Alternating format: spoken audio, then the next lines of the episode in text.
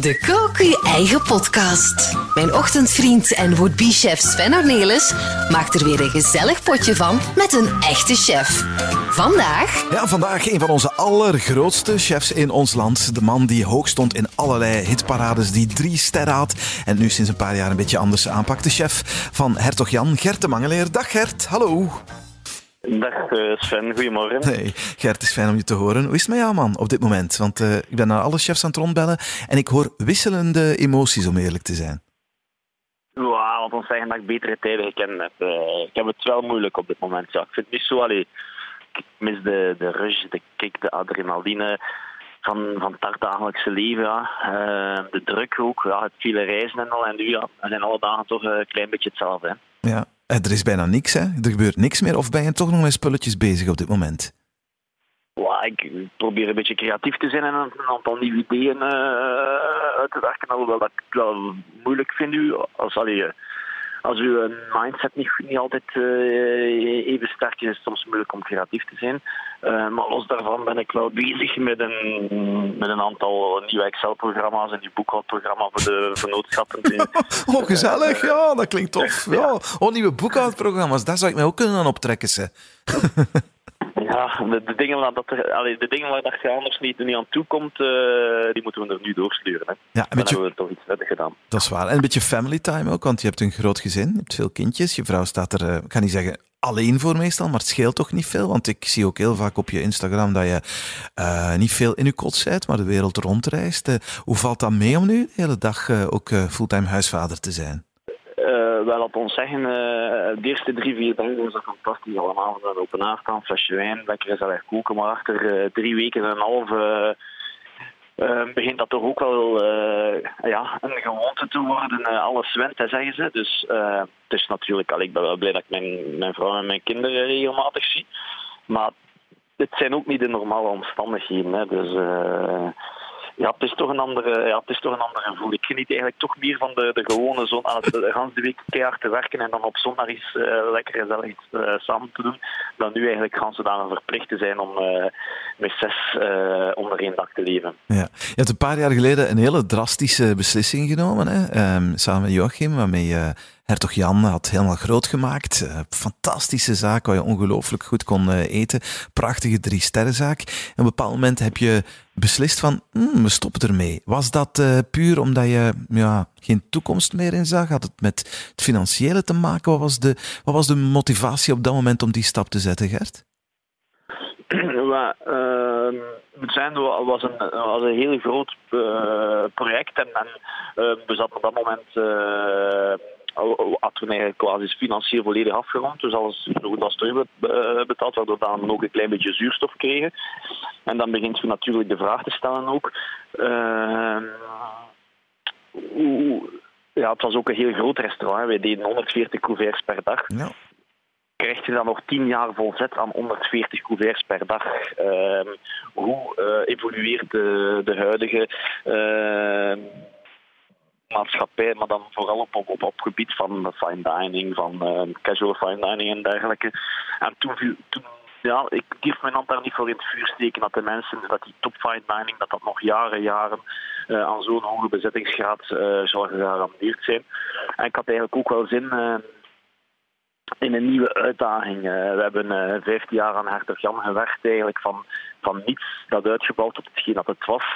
En we hebben 15 jaar een enorme evolutie gekend, maar ik wist ook als ik het nog 15 jaar zou doen mhm. in die vorm, dat die evolutie niet zo groot zou zijn. Ja, Vandaar dat we dan toch besloten hebben om ja, over een andere boeg te smeten en, dan eigenlijk de Hertog Jan Restaurant groep uh, op, te, op te richten. Uh, en van daaruit uh, verschillende vennootschappen op te richten en verschillende nieuwe restaurants te openen. Eigenlijk op allerlei verschillende op, op een aantal niches, zowel de, de, de, casual fine dining, we hebben ook iets klassieker, we, hebben ook, we zitten ook in de fast casual nu, wat we binnenkort willen open ja, de coronacrisis strooit wel een beetje roet in het eten, maar bon, Ja, maar, want wat je daar gedaan hebt is ook niet zo, ook niet zo raar. Hè? Ik stel de vraag wel, maar je ziet het ook overal in de wereld een beetje gebeuren. Uh, Sergio Herman had ook op een bepaald moment beslist, het is goed geweest met Oudsluis. Een groot voorbeeld voor mij, want ik ga heel vaak naar Barcelona, is wat uh, de broers Adria hebben gedaan. Hè? Ferran, Albert Adria, die daar beslist hebben. We hebben El Bulli, nummer één in de wereld. We stoppen ermee, het is goed, we gaan andere dingen doen. En Albert heeft in, in Barcelona heeft hij nu zeven of acht restaurants die, uh, die allemaal, allemaal op een andere manier proberen met lekker eten bezig te zijn. Dat van, ik vind dat eigenlijk fantastisch. Ik vind een slimme zet. Het is ook allemaal wat minder snobbish. De meeste van zijn restaurants zijn zo wat meer toegankelijk voor iedereen. Ook een stukje betaalbaarder, maar even creatief. Dus het is een logische stap. Alleen, wanneer er inderdaad zo'n crisis nu komt, dan heb je wel heel veel uh, poten um, waar je moet op dansen tegelijkertijd. En, en heel veel uh, ja, mensen waar je, moet, moet, waar je waarschijnlijk ook zorgen over maakt op dit moment. Well, ja, je hebt natuurlijk uw, uw team, maar ja, die mensen zijn, allemaal technisch uh, werkloos. Ik denk dat we het. Uh, allee, ik ben ervan overtuigd dat we het gaan, overleven uh, als, je het, als je je goed laat om, om, omringen en, en je kunt nu de nodige stappen met de bank ondernemen, naar uitstellen en dergelijke. dus ik daar op zich geen problemen mee.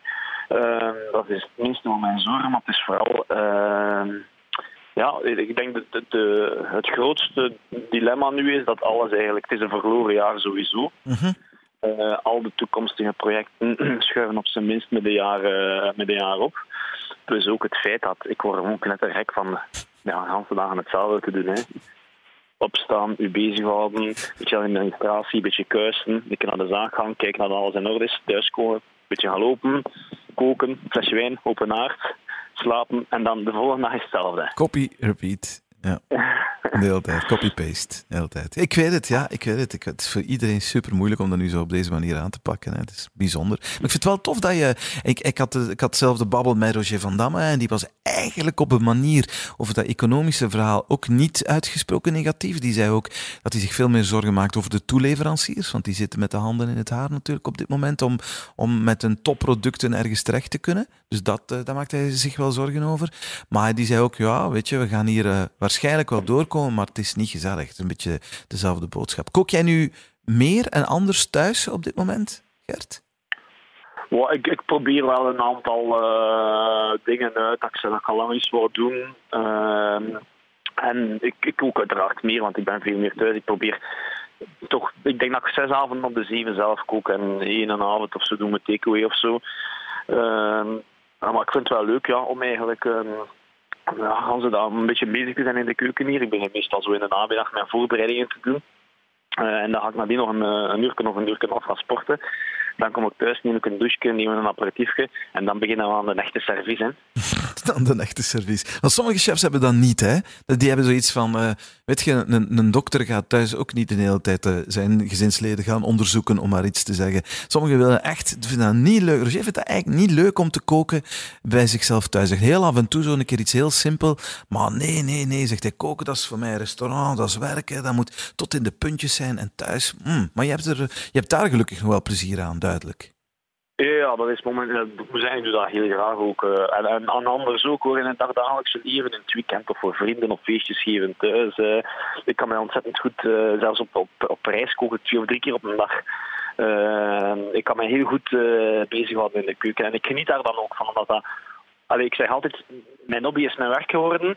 En op dat moment kan ik me echt ontspannen. En, en, en, ik probeer, ik test ook veel dingen uit, dan niet, niet op, op hoog gastronomisch niveau, maar ik zeg maar. Uh, ik kwam van de week, van, de week heb ik mij bezig gehouden om de perfecte rijst te garen. Japanse rijst. Zo moeilijk? ja, maar. Ik heb me daar de morgen mee bezig gehouden en s'avonds hebben wij quasi bij benadering de perfecte rijst gegeten. Ja?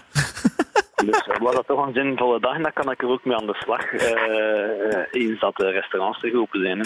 Kijk, cool eigenlijk. Dan heb je ze nog ontdekt en uitgeprobeerd de afgelopen weken. well, ik heb vooral, ik kook veel Aziatisch thuis. Uh, ik heb zo'n een, een hotpot gemaakt uh, met wat dumplings in. We, we hebben een keer wat springrolls gemaakt. Uh, we hebben, ik heb een paar Japanse gerechten gemaakt. Uh, ik heb ook ik heb een keer met, Ah ja, ik heb, een keer, ik heb dat eigenlijk nog nooit gedaan. Echt een, een oerdelijke Vlaamse klassieker. Um, Pom Chateau, dus gedraaide kasteelaardappeltjes. Ja. Um, met een beetje boter, gehakte peterselie. Um, gestoomde asperges. Oh, op, het, op het gebakken zalm en een Dijonese saus. Zeg, maar dat, dat, klinkt fantastisch. Dat is echt... Dat is, dat is, dat is uh, moeders- of grootmoederskeuken die je gemaakt hebt. Ja, ja, ja, ja. ik doe dat wel graag. Ik heb een beetje allerlei diverse dingen. Ja. Maar daar kan, je, daar kan je wel mee aan de slag. Want zeg eens welke restaurants je nu in de groep nog zitten hebt. Want je hebt Les, hè, dus ondertussen ook weer uh, Michelin-ster bij Les. Um... Ja, we hebben dus Les. We hebben uh, uh, Barbulot mm -hmm.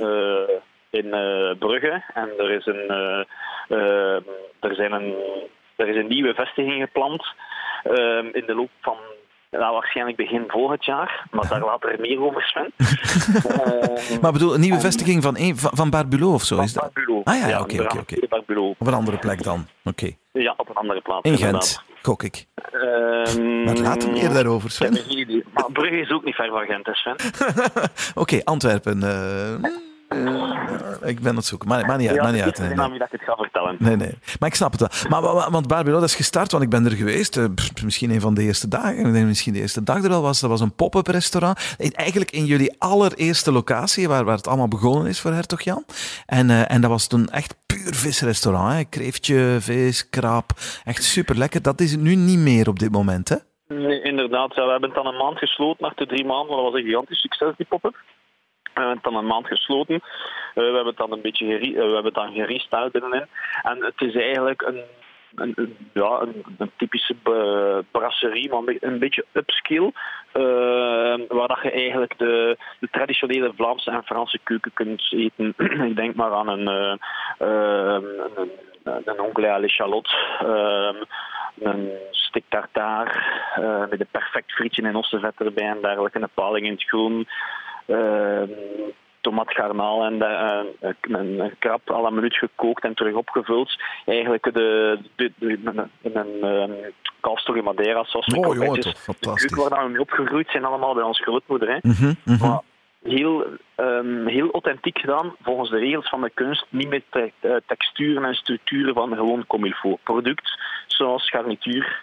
En ja, het blijkt toch een succes te zijn. Kei tof. En, en dan, en dan uh, straks nog, wat was het met uh, een beetje zalm, gestoomde asperges, kasteelaardappeltjes. Dat gaat er dan ook nog een keer op menu komen. Ik voel ja, het aankomen. Misschien ook, ja, dat zal misschien wel bij kunnen. Zeg, doe je takeaway? Ja, zeg maar. Nee, nee, zeg jij maar. We zijn ook bezig aan een fast casual concept rond uh, Steel Buns. Mm -hmm. uh, maar dan, uh, er waren van het jaar ook gepland om twee vestigingen te openen. Normaal één in Gent en één in Brussel. Ehm, maar ja, natuurlijk, ehm, het is een beetje afwachten en een beetje koffiedik kijken op dit moment welke invloed dat de crisis er zal op hebben. Het zou kunnen zijn dat alles met zes maanden tot twaalf maanden wordt opgeschoven. Maar we zien wel, uh, sowieso uh, uitstel is geen afstellen. Nee, dat is zeker. Dat is Steam Buns. Dat is zo... Uh, dat is, ja, gestoomde oh, broodjes, Aziatisch geïnspireerd. Uh -huh. En een aantal sites ook, zo meer in de fast casual, zo genre, ik weet niet waar je kent, Umamido, uh, Bavette, uh, ja, ja. een beetje voor de meer op de millenniums gericht, laten we zeggen. Oké, okay. dus ik mag niet meer gaan, maar bon, dus geen enkel probleem. Oh, ja, wel, ja, doen. Zo gestomde broodjes, is dat moeilijk om te maken? Ik, uh, ik, heb, ze, ik heb ze in de diepvriezer wel zitten, uh, al klaargemaakt en dan in de stoom en dat is perfect. Is dat, kan je dat zelf maken? Is dat moeilijk? Um, ja, ik moet zeggen, het is niet zo evident. We hebben er heel lang op gezocht op een uh, perfect uh, recept hebben. Uh, ik denk dat we er toch wel twee jaar en een half aan, aan gewerkt hebben. En nu zie je maand of drie, vier staan ze, staan ze op punt. Okay. er zijn heel veel, een keer als je het weet natuurlijk is het niet zo moeilijk, hè, maar er zijn heel veel verschillende dingen waar dat je met rekening moet houden. Mm -hmm. Mm -hmm. De, ja, oké. Okay. Maar goed, dan moet je dat maar eens een keer later uitleggen. Of niet uitleggen, hè? want mensen moeten het recept niet krijgen. Ze moeten het komen kopen bij jou uh, binnenkort, binnen zes of binnen twaalf maanden. Klopt. Zeg, heb je veel contact met uh, chefs in het buitenland? En wat is het gevoel dat daar bestaat in de, in de gastronomische wereld? Ja, ik heb heel veel uh, collega's in Azië waar ik contact mee heb. ja, ik bedoel, ieder zijn een business leidt eronder, hè, maar er is wel heel veel solidariteit, vind ik, bij de chefs. -hmm. Uh, allee, in het algemeen, alleen bij de chefs. Ik vind eigenlijk bij de hele bevolking dat er wel veel solidariteit is. Ik vind dat wel mooi. Uh, maar iedereen heeft natuurlijk uh, schrik in meer in die zin, of is op zijn ongemak gewoon omdat niemand weet wanneer alles terug goed zal zijn. We moesten nu een, een datum hebben of een, of, of een recht, een, een, nou ja, een, moment waar je kunt naartoe richten. Uh, maar ja, hoe lang gaat dat duren? Niemand weet het. Welke invloed gaat het hebben? Niemand weet het. Er, er zijn veel vraagtekens, en, uh, uh, zowel bij de collega-chefs over de wereld, denk ik, maar ook bij onze medewerkers of in onze buurt bijvoorbeeld. Hè, ja. Niemand weet hoe we dan eraan uitkomen. Hè. Brussels Airlines heeft deze week aangekondigd dat ze tot 15 mei alvast niet gaan vliegen. Tot 15 mei, om maar iets te zeggen. Dus dat is nog een hele tijd natuurlijk. Ik had nog wel een, een ticketje klaarstaan voor Barcelona, maar dat zit er dus voorlopig ook niet in. Dus ja, dan voel je wel hè, dat, dat reizen rond de wereld, dat gaat toch nog niet meteen op gang komen. Hè. Maar bon, laten we maar beginnen met naar onze eigen restaurants weer te mogen gaan. Dat zal een goed begin zijn. Gert, wat staat er op menu bij u vandaag? Of weet je nog niet? Um, wel, um, wat ik heel graag voor jou zou koken, uh, ja? uh, of aan jou zou vertellen, uh, Sven, is de, de perfecte Japanse rijst natuurlijk. Hè. Ah ja, natuurlijk. Ah, ja, perfect Japanse Oké, ja, want ik vraag me af, wanneer is rijst perfect? Dat kookt je toch en dat is klaar. Maar blijkbaar is het toch iets ingewikkelder. Ik vind altijd, wat ik zo bewonderenswaardig vind als je in Japan rijst eet, dat die altijd zo heel mooi al dente, een beetje chewy is. En als je die in je mond steekt, als je daarop knabbelt, dat elk korreltje apart valt. Dus dat je al die verschillende rijstkorreltjes proeft. Ja. En veelal als je dat hier bij ons in, in, Vlaanderen of in België is, dat, ja, dat plakt een beetje aan elkaar. Die korreltjes zijn gebroken, uh, tot mijn grote ergernis. Uh, wat had ik nu gedaan? Ik had een, uh, het, is heel, het is allemaal heel technisch, Sven. Maar ik had een stolppotje gepakt ja? met een diameter van 18 centimeter. Oh, wauw. De grootte van het potje is nog belangrijk zelfs. Ja, ja inderdaad. inderdaad. Ja?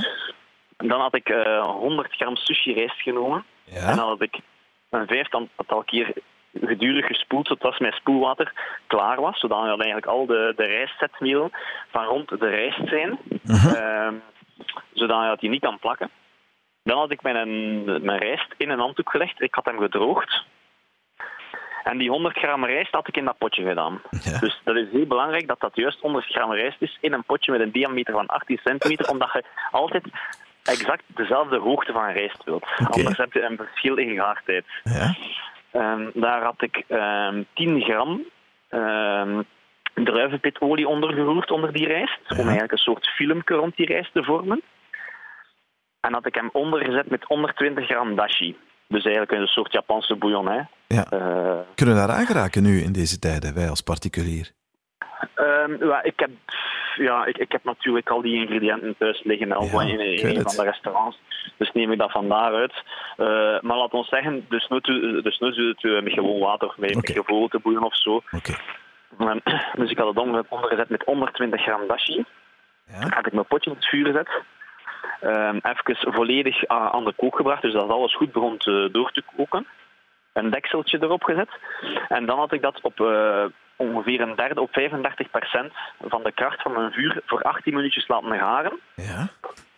Achter 18 minuutjes uh, had ik mijn, uh, uh, mijn vuur afgezet, liet ik het nog 10 minuten rusten en het resultaat was fenomenaal. Ik kost hem mooi doorroeren, mooi perfecte korrel.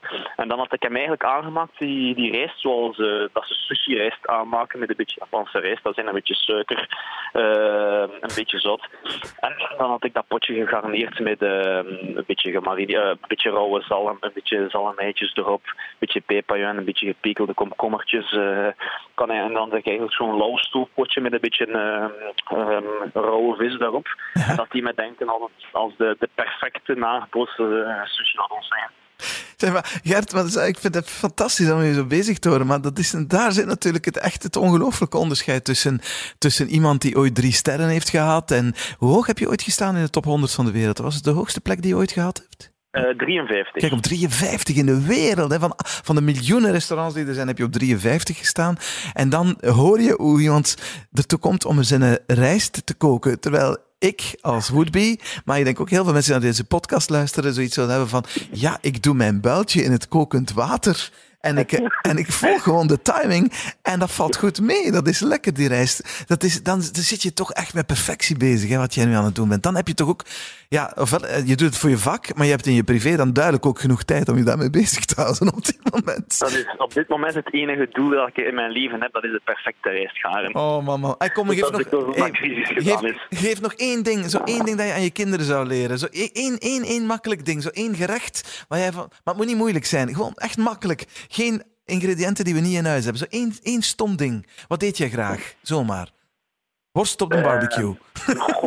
wij gisteravond hebben wij gewoon een simpele barbecue gedaan met allemaal kleine verschil, uh, verschillende stukjes. Zo worstjes, satéetjes. Uh, dat is fantastisch met de kinderen natuurlijk. Bij ons is traditie dat de eerste barbecue van het jaar um, zo'n barbecue is met allemaal verschillende soorten vlees. En dan nadien maakt men ding doen met grotere stukken vlees en met.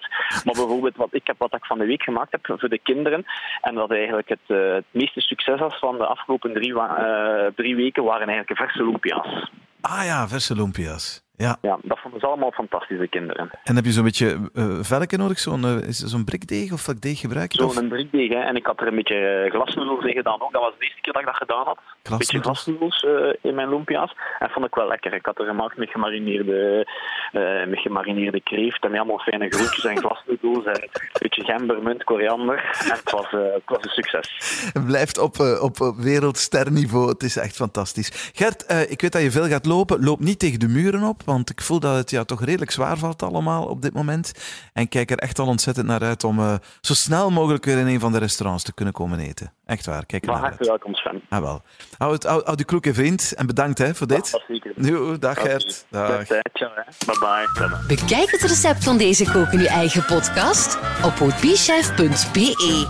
Beluister ook onze andere podcasts via joe.be.